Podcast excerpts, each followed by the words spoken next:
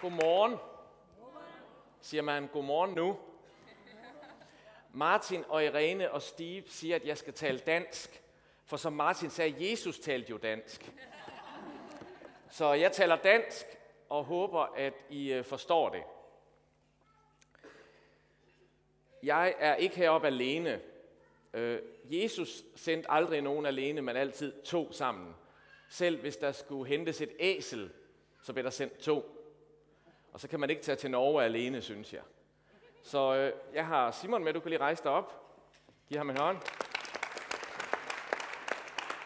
Og jeg må skuffe Jenserne med, at Simon er ikke single. Han er gift. Så er I advaret. For øh, jeg tror, det er 10-15 år siden, jeg hørte Martin øh, undervise på en lederkonference i Oase i Danmark.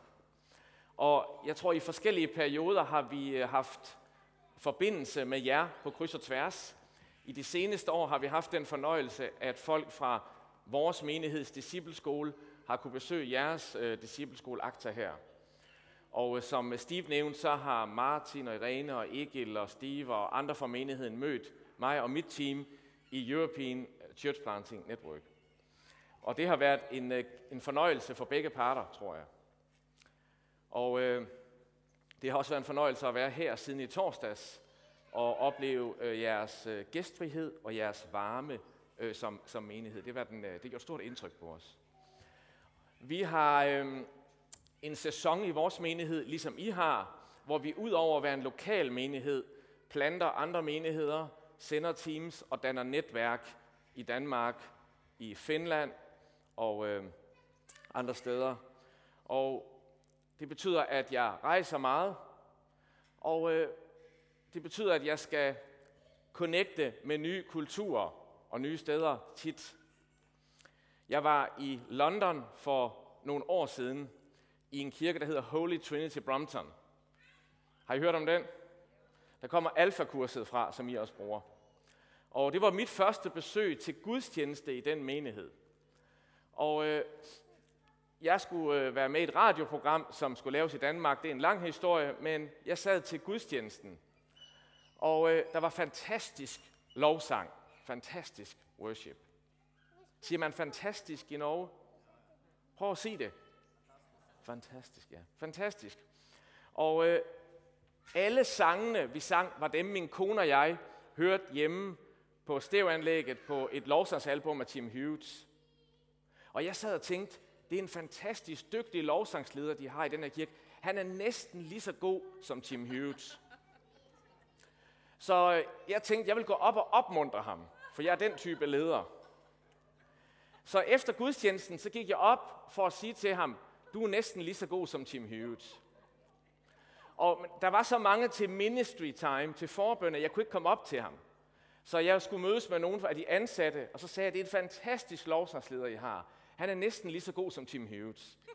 Og så kiggede de på mig, og så sagde de, det er Tim Hughes. Nogle gange får man ikke fat i det. Sometimes you don't get it. Og mit håb er, at Gud vil være nær på en måde, så I får fat i det, jeg deler i dag. Lad os øh, bede sammen.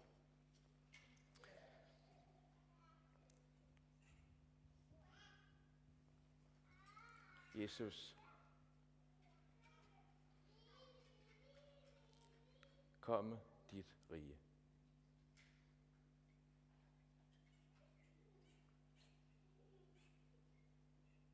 Amen. Og vores øh, søster her, hun skal have lov at læse beretningen nu, og det er fra Kolossenserbrevet i Nytestamentet kapitel 1, vers 15 og resten af kapitlet.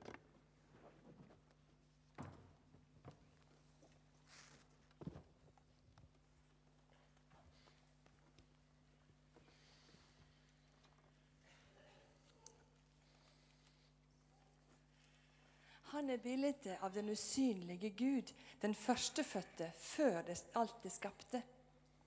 For i Han vart alt skapt i himmelen og på jorda det synlige og det usynlige. Troner og herredømme. makter og åndskrefter. Ved Han og til Han er alt skapt. Han er før alt, og i Han blir alt holde sammen.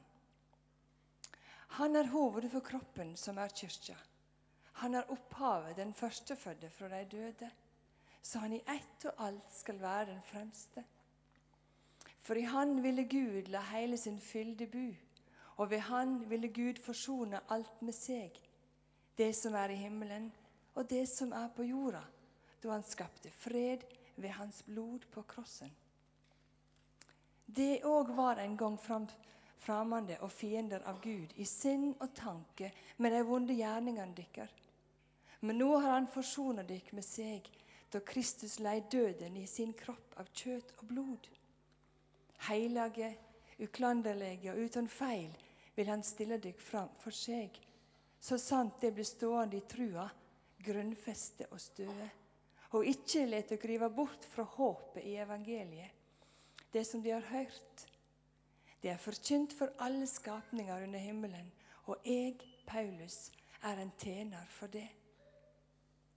Nå gleder jeg meg over det jeg må lide for dykk, og det som ennå mangler i Kristi lidinger, det utfyller jeg med min egen kropp. Jeg lider for Han kropp, som er kyrkja. Hennes tjener har jeg blitt fordi Gud ga meg oppgaver som forvalter hos dykk, og fullfører tjenester med Guds ord, det mysteriet som har blitt løgnt gjennom alle tider og for alle slekter, men som nå er åpenbara for Hans hellige. Gud ville kunngjøre for dem hvor rikt på herligdom dette mysteriet er for folkeslagene. Kristus er mellom dykk, håpet om herligdommen. Det er Han vi forkynner, og vi rettleier og underviser alle mennesker i den fulle visdom, så vi kan føre hvert menneske fram til mognad i Kristus. For å nå dette målet arbeider og kjemper jeg i Hans kraft, som verker i meg med styrke.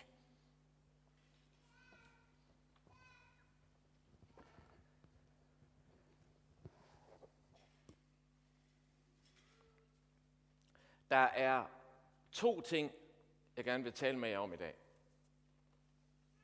Den første ting er korset, og den anden ting er korset.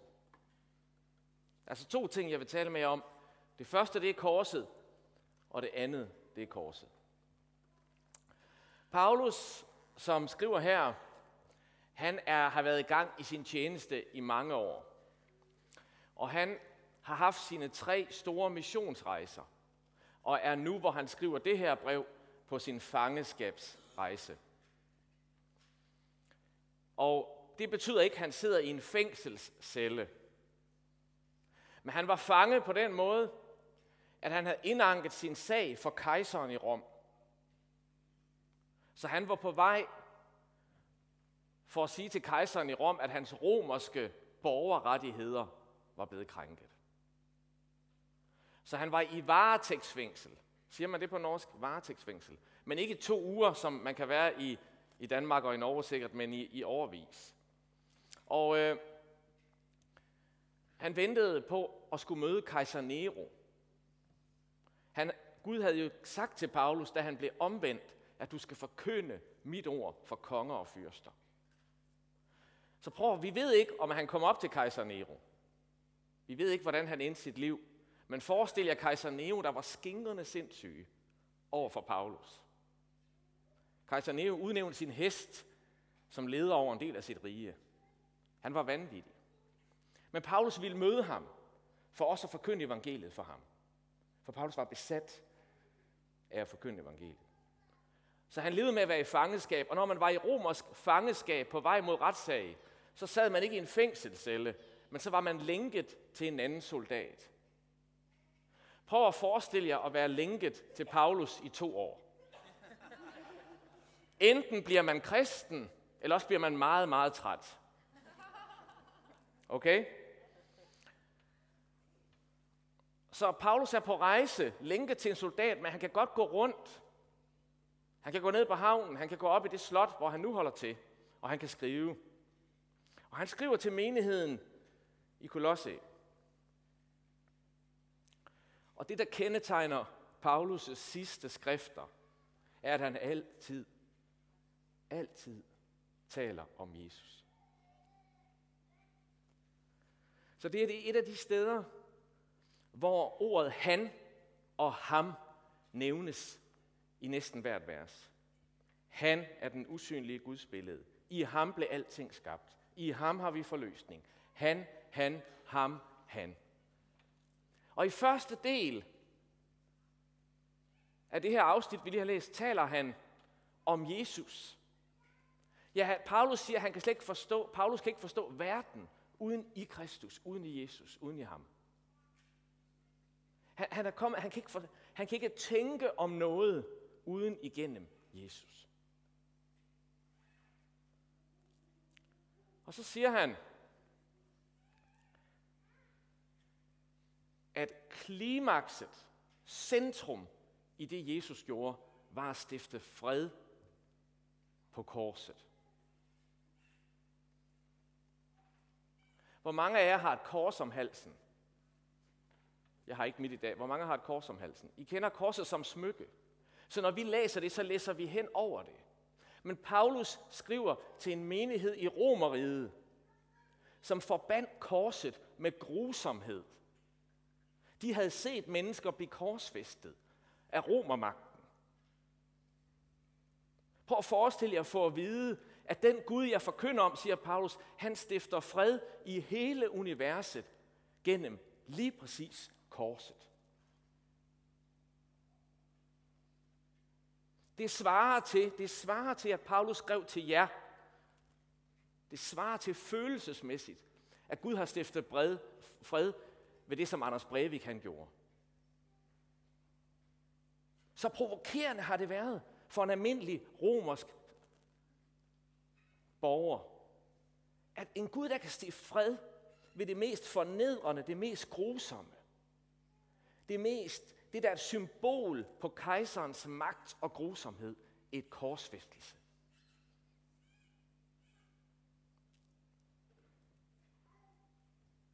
Kejseren i Rom, han vil også stifte fred. Det hed Pax Romana, den romerske fred. Men det var en fred ved militær magt. Det var en fred ved politisk magt. Det var en fred ved den her verdens magt. Men Jesus stiftede fred. Rigtig fred.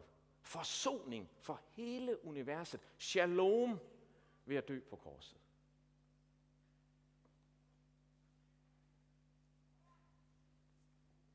Det Paulus siger til menigheden i Kolosse er, at den Gud, som er i himlen, han har i Jesus gået ind i centrum af al romers kultur. Og der er Jesus gået ind i det mest grusomme, den kultur repræsenterer. Og der har han sejret. En Gud, der kan det, han kan alt.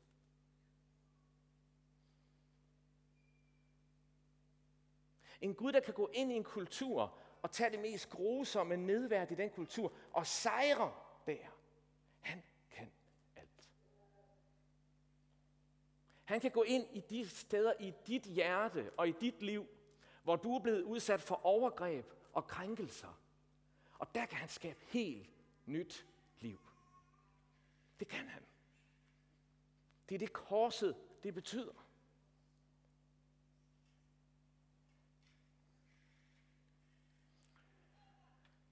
Paulus holder her en af de mest lutherske taler, han holder. Første del af det her sted. Han taler bare om Jesus og om korset.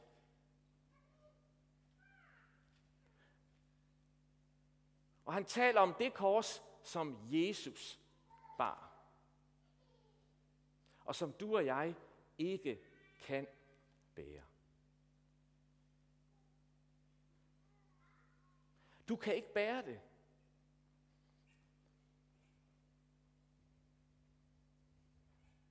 Og igen og igen, så møder jeg også i min menighed kristne, der prøver at bære Jesu kors. De fordømmer sig selv. De siger, hvis bare jeg ikke havde gjort det der. Hvis bare jeg var en bedre far. Hvis bare jeg havde taget nogle andre valg. De forsøger at bære Jesu kors. Men vi kan ikke bære det. Paulus er meget, meget tydelig. Der er en, der har stiftet fred for alle, og det er Jesus, og det er på korset. Og hvis du vil gøre, hvis du vil tage hans kors op, så lykkes det ikke for dig.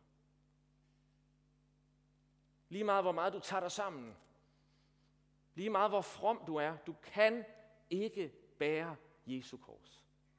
Der er en anden, der har båret det for dig.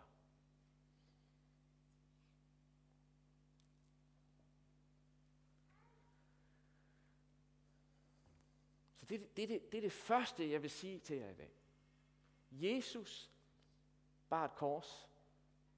Du kan ikke bære det.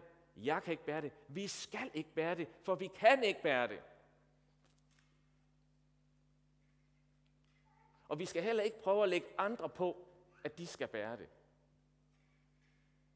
For der er ingen fordømmelse for den, som tror og ser hen til Jesus, der bar det kors. Så nu har Paulus sagt det, som jeg hørte i min barndom i søndagsskolen. Og nu går han videre, og så siger han noget, jeg aldrig hørt.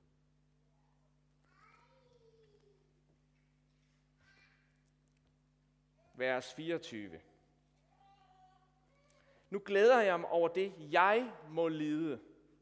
For hvad der mangler af Kristi lidelser, det udfylder jeg for hans læme, som er kirken. Paulus fortsætter med at tale om korset, men nu taler han om et andet kors. Om det kors, som han selv skal bære.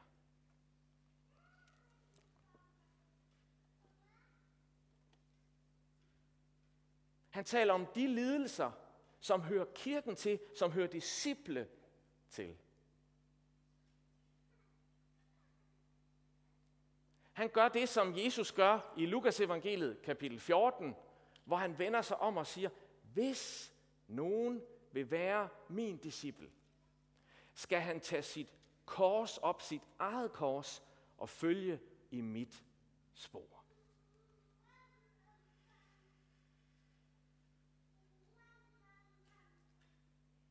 Det var der ingen, der sagde til mig, da jeg var barn i kirken.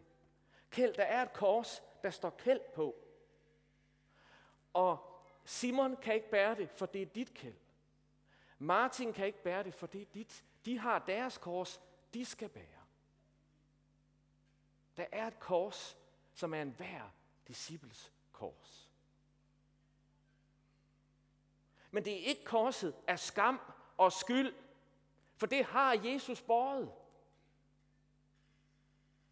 Det er tjenestens kors.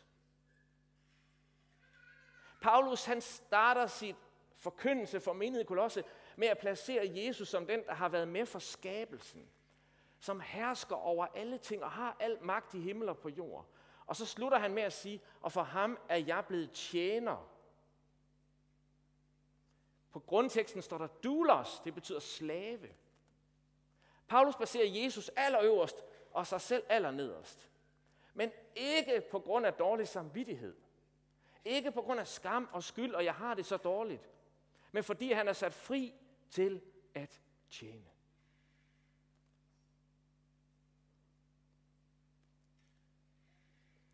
Der er altså to ting, jeg taler med jer om i dag. Det ene er korset, og det andet er korset. Det ene er Jesu kors, og det andet er det kors, som er dit og mit.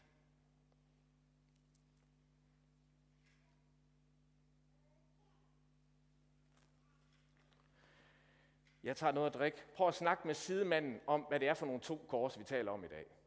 To og to. To og to. The one next to you. Hvad er det, vi taler om i dag?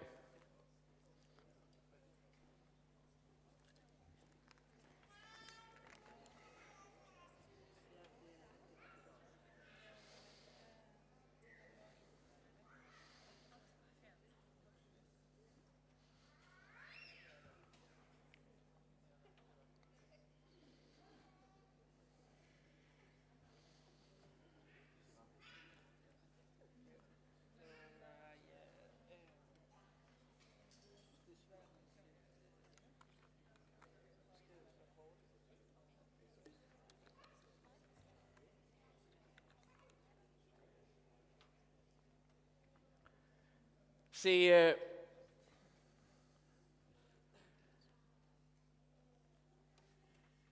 efterhånden er det gået op for mig, at jeg hver morgen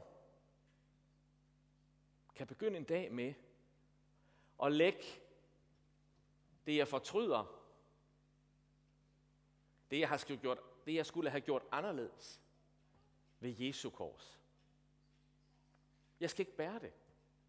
Jeg lægger det. Og så rejser han mig op. Og så siger han, Kjeld, jeg har et andet kors til dig i dag. Det er tjenestens kors. Og så siger han til mig, at Kjeld, jeg bar mit kors, men efter korset, så opstod jeg igen. Jeg gik ind i døden, men blev rejst til liv påskemorgen. Og hvis du tager dit kors på dig, Kjeld, som jeg har givet dig, så vil, bety- så vil det betyde liv for din familie. Liv for din by. Liv for dit land. Paulus kalder det herlighedens håb her, som er i jer. Det står der ikke på norsk, men det står der i den græske. Det er i jer, det liv. Se, der findes ikke nogen tjeneste i Guds rige. Der findes ingen, som ikke er korsformet. Formet af korset.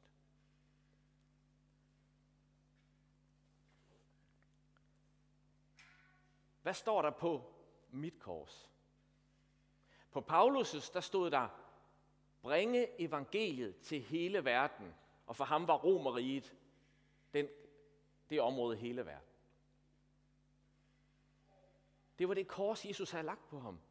Du skal bringe evangeliet for nationer, for konger og for fyrster. Og jeg kan ikke tage Paulus' kors på mig, jeg kan tage mit kors på mig. Jeg kan heller ikke tage Simons på, og jeg kan heller ikke lægge mit på Simon.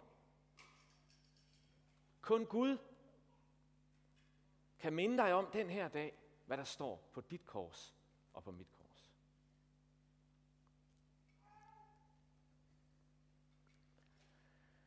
For mange år siden kaldte Gud mig ud til en gammel slot. Slot? Castle? Og der gav han mig mit kors. Han stillede mig fire spørgsmål omkring kirken og kirkens situation i vores land.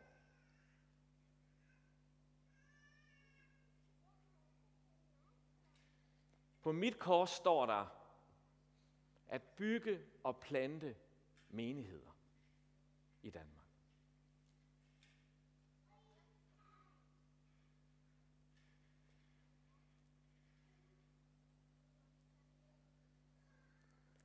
I 2005 rejste min forgænger i Aarhus Valgmenighed fra Aarhus Valgmenighed, og jeg fik første ansvaret for menigheden. Jeg blev første præsten, eller hovedpræsten, kalder man det vist her. Og jeg tænkte, hvordan skal det gå? Men det var det, der stod på mit kors på det tidspunkt. Så gik der to år, og det gik godt. Der kom flere medlemmer, der kom flere til tro, der kom flere penge. Alle tallene gik opad i menigheden. The numbers went up. Jeg tænkte, det går meget godt. Så havde jeg permission, overlov en måned, var alene noget tid. Og jeg sagde, herre, hvad har du at sige? Og det herren sagde var, Kjeld, du skal dø. Ej, jeg sagde, hvad har du til mig? Hvad? Kjeld, du skal dø.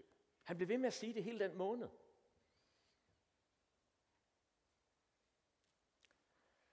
Jeg sagde til ham, jeg ved, jeg skal dø. Det står i Bibelen. Det må du også vide. En hver menneske, jamen det er ikke det, jeg mener, siger han. Og jeg bad over det ord, og jeg delte det med dem, som jeg deler den slags med, og fandt frem til, at det han sagde til mig var, Kjeld, du er en af de få præster i Danmark, som har gaver til at lede en mega church, en megakirke. Og det er en mulighed for dig kun at gøre det. Men jeg kalder dig bare til noget andet. Jeg har et andet kors til dig. Så vi havde vision søndag i menigheden i år 2007, og jeg sagde til menigheden, Gud kalder os på en eller anden måde til at dø. Jeg ved ikke helt, hvad det betyder, men det betyder, at Gud har en anden plan, end jeg har. Så meget ved jeg. Og siden da har vi set, at det spørgsmål, Gud vil have, vi spurgte om, var ikke, hvor mange kan I blive, men hvor mange kan I sende? Sidste år sendte vi 100 mennesker, cirka 100 medlemmer, til menighedsplantning.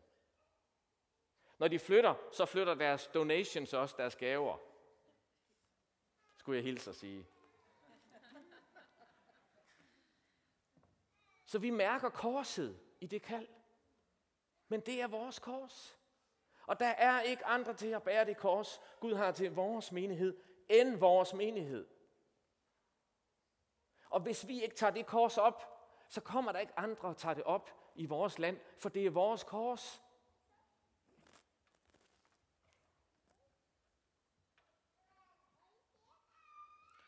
Hvad står der på dit kors?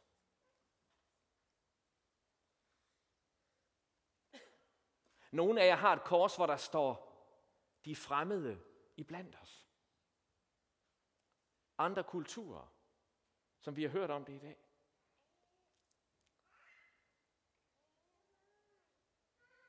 Nogle af jer har et kors, hvor der måske står, søg indflydelse i erhvervslivet. Næringslivet. Næringslivet. Nogen har et kors, hvor der står, brug din indflydelse som forsker, underviser. Jeg ved ikke, hvad der står på jeres kors, men der står noget, det ved jeg. Og nogle af jer i dag ved, hvad der står på korset.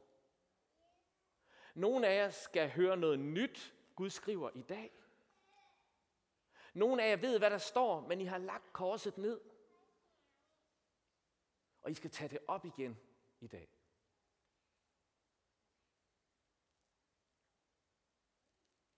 På nogle af jer har et kors, hvor der står økonomi. Det kan være alt muligt. Gud ved det, og han kan fortælle jer det. Men der er et kors, som er dit og mit, og kun vores. Og hvis vi tager, tager det på os, så vil vi opleve opstandelsens liv som en frugt af det.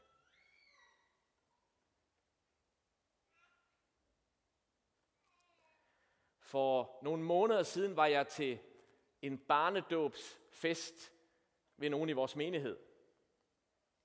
Og vi sad fem mænd fra menigheden ved et bord. Og vi har nu øh, fire præster i, øh, i vores præsterteam, mig og tre andre. Den ene præst hedder Morten, han er lige begyndt som ny præst. Og vi fem mænd sidder ved det bord. Og øh, så siger en af mændene fra menigheden, sidste søndag hørte jeg Morten prædike. Han er en fantastisk prædikant. Og så er der en anden, der siger, ja, gid han prædikede hver søndag. Det er en af de to gange i mit liv, hvor jeg har oplevet djævlen fysisk. Jeg kunne mærke, at han var der. De andre kunne ikke mærke det, jeg kunne mærke det. Og han viskede til mig, Kjeld, er du nu sikker på, at det var en god idé, at du kaldte så dygtig en mand ind på dit team? For han bliver sikkert en bedre prædikant end dig. Er du nu sikker? Og jeg var nødt til at sige til djævlen, vi er bag mig.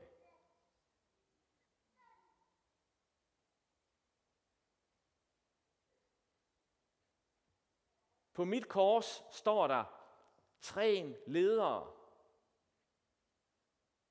Byg et team, som er bedre end dig selv. Og sagen er, at de er bedre end mig. Helga på mit team, hun er en bedre profet. Paul er en bedre coach. Morten er en bedre underviser. Vi mangler bare, at der er en, der er en bedre leder end mig. Det kan være, at Simon bliver det.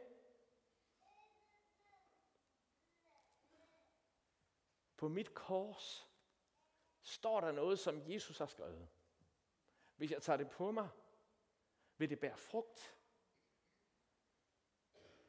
Men der er lidelse og afkald ved det.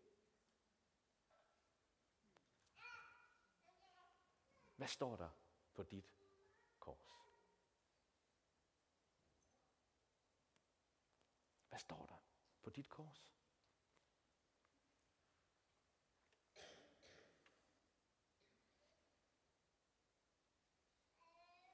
Paulus siger, jeg glæder mig over det, jeg må lide for jer.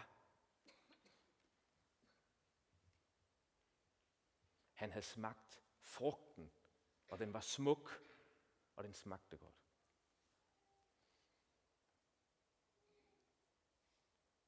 Og jeg er helt sikker på, at den her menighed er her i dag, fordi mange af jer tog jeres kors på.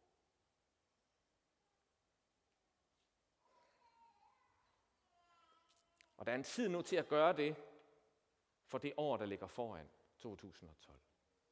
Og tage sit kors op og tage det på og sige ja, Jesus.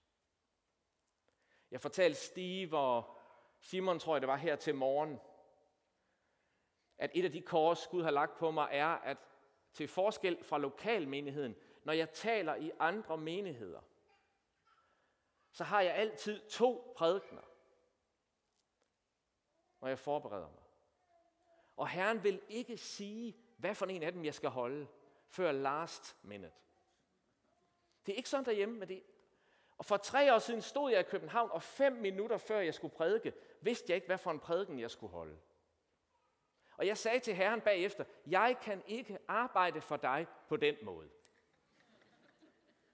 Og så sagde han, Kjeld, du kan kun arbejde for mig på den måde.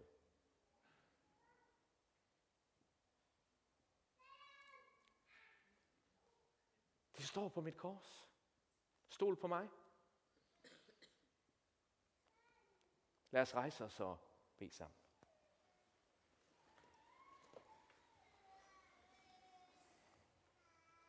I dag vil jeg ikke kalde jer til at blive bedt for. Det er rigtig godt at blive bedt for. Men det er ikke det, jeg kalder jer til i dag.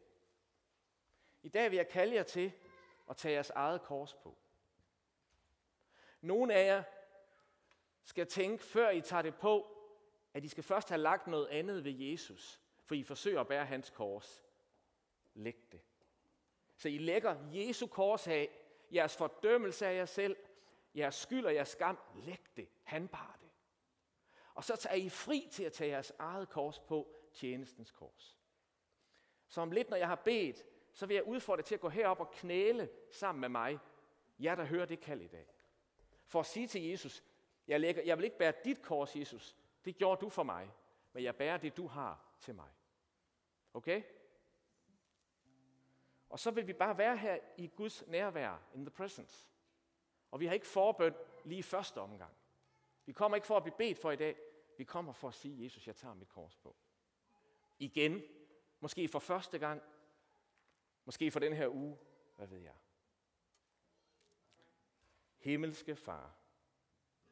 Tak, at det vi ikke kunne gøre, det gjorde du. Du kom ind i verden i et menneske i Jesus af Nazareth. Og den måde, han levede på, den måde, han mødte mennesker på, den måde, han helbredte, den måde, han var god på, den måde, han talte på, viser, hvem du er. Og alt det førte ham til korset. Han blev korsfæstet på grund af sin godhed, på grund af sine mirakler, på grund af sin forkyndelse. Og der bar han det Jesus, som jeg ikke kan bære min skyld, min skam, mine fejl. Han bar det hele. Du bar det, Jesus. Og vi, vi løfter dit navn op. Du som er forud for alt, overalt, gennem alt. Du som var med ved skabelsens morgen. Du som er det mægtige ord, ved hvem alt er blevet til, og ved hvem alt skal blive nyt. Og her den her morgen, den her dag går vi ind og lægger alt, hvad vi har lægget ved dit kors af synd og skam og skyld, og vi tager vores eget kors op på ny. Og værsgo, bare kom frem, jer der vil respondere på det her ord. Jesus, jeg ved, hvad der står på mit kors. Og den her morgen, der siger jeg, ja Jesus, jeg vil bære det også i 2012. For det har duften af dig. Det vil bringe velsignelse. Og bare træk godt frem, så dem, der vil respondere. Og vær i Guds nærvær.